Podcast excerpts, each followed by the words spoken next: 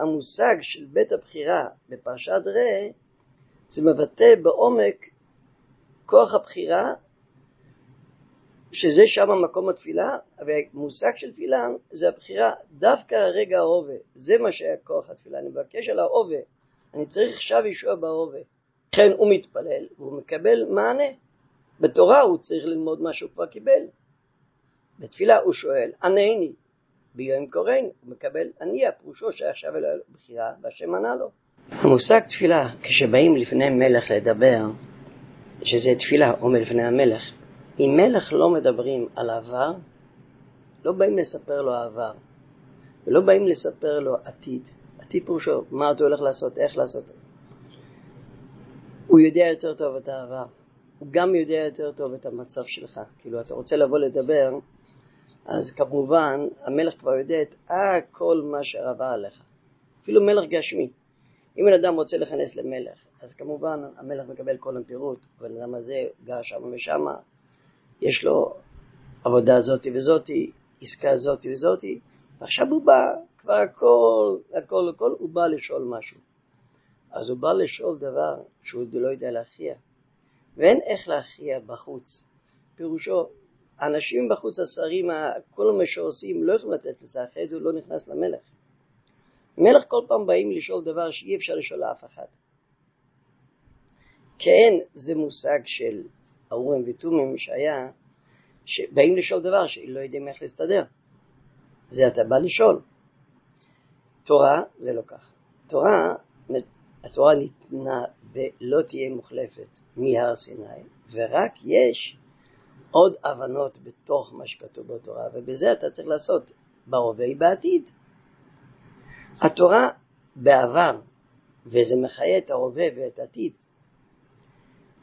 תפילה זה לא ככה, אני בא לבקש על מה שעכשיו. עכשיו, אפילו מתי שנשאלת שאלות בתורה, דברים שבטכנולוגיה החדשה, אנחנו חייבים למצוא בתורה איך מסתכלים על הדבר הזה, מה שכבר למדנו ואיך זה מתקשר לזה. זה הצורה של התורה. תפילה לא ככה, אני כל פעם צריך לשאול. עכשיו, נעבור.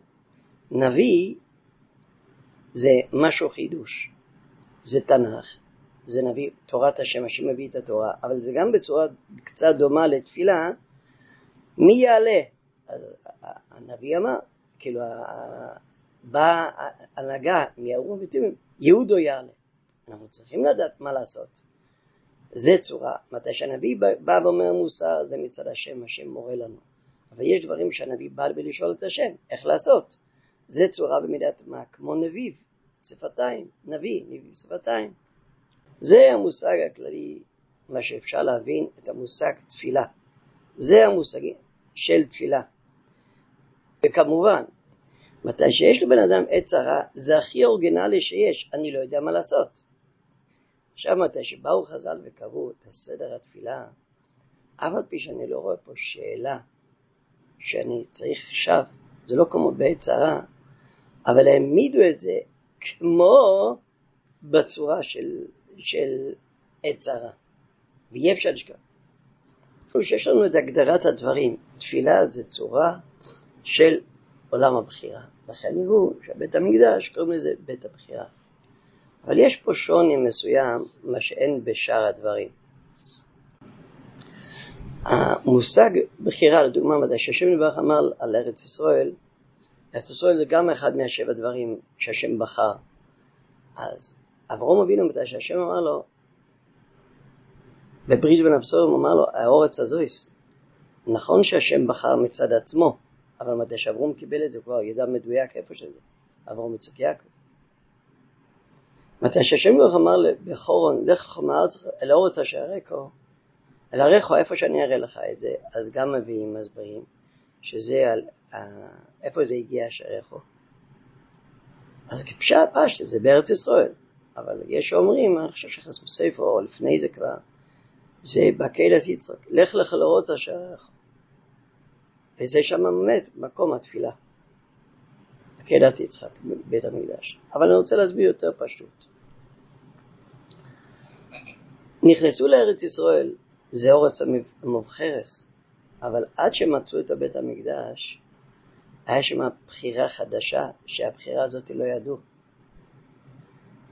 ונקדים. יש שני מצוות, יש מצווה ועושה לימודי ושכן דבזכם, זה בכל מקום איפה שאתה נמצא אתה צריך למצוא מקום, אפילו בשילה, עם נוי וגיבוי. יש מצווה אחרת, לשיכנה סדרי שילה, זה בייס אוילומים, זה בית המקדש, זה משהו אחר. וראו, אחרי שכבר היו 300-400 שנה בארץ ישראל, לא מצאו את הבית המקדש. פירושו ששם הצורה הבחירה אחרי שיש לך כבר את הכל. עכשיו באמת בוכים, אני לא יודע איפה, אני לא יודע איפה. זה לא כמו ארץ ישראל בקלוליס. אז יוצא לנו שבאמת ההסתכלות על בית המקדש, בן אדם מבין, זה הסתכלות אחרת לגמרי. מה יש? איך מסתכלים על זה? הסתכלות על בית המקדש זה הסתכלות. דוד המלך לא יודע, הוא צריך לחפש עוד, וצריך לחפש עוד, וצריך לחפש עוד, עד שהוא ימצא את המקום. זה הצורה של תפילה. אנחנו באים לשם להתפלל, זה אחרת מתורה. ורק צריכים לדעת שבית הכנסת זה מקום תפילה, בית המדרש זה תורה, בית המדרש הרבה יותר חשוב, כמו שכתוב בגמורת, נפסק בשולחן אורך. וכבר דובר איך מסתכלים על בית המקדש, אם יש לזה דין בבית הכנסת ובית המדרש, אבל זה לא המקום עכשיו. ורק צריכים להבין שמתי שאומרים לי לעשות מתורה תפילה, אי אפשר לרדת דרגה לבית הכנסת, אי אפשר. הכוונת הדברים הוא, תיקח את התורה ותבין נכון שהתורה כבר ניתנה, אבל אתה צריך ללמוד כל יום כחדוש אם זה צורה של תפילה. המושג בכל יום כחדוש זה נקרא בחירה חדשה. כי זה יוצא מאוד מתיישב, שבפרשת שופטים מתי שמדברים על מלך, סוים תורם, כאילו זה לשון שמה, לשונו של בוח, תבחר מלך, בוחרים מלך. נכון שהשם אחרי זה נתן לזער ויעקב את המלוכה וזה לבחור, זה כוח של דוד. אשר בחרת באברום, זה באברום, זה השוער של העובד, אחרי זה דוד יש לו את הכוח של הבחירה. עד אמצע מוקם להשם, הוא, הוא, הוא מצא את המקום בית הבחירה, וזה המעלה של דוד, שהיה לו כוח לתפילה, להתחנן להשם למצוא את המקום של התפילה. כמובן, לא לשכוח, ודאי, אחרי שקיבלת מענה, אתה מבקש שהדבר הזה גם יהיה לעתיד. אבל לא נקרא שישללו את העתיד, רק ההבנה הוא, אני מבקש בהווה ומקווה שהדבר הזה יימשך גם הטוב הזה לעתיד, ולא רק על ההווה ממש. אבל שורש הדבר, יש לי דבר שאני צריך עכשיו מענה, עכשיו עזרה, זה הפירוש.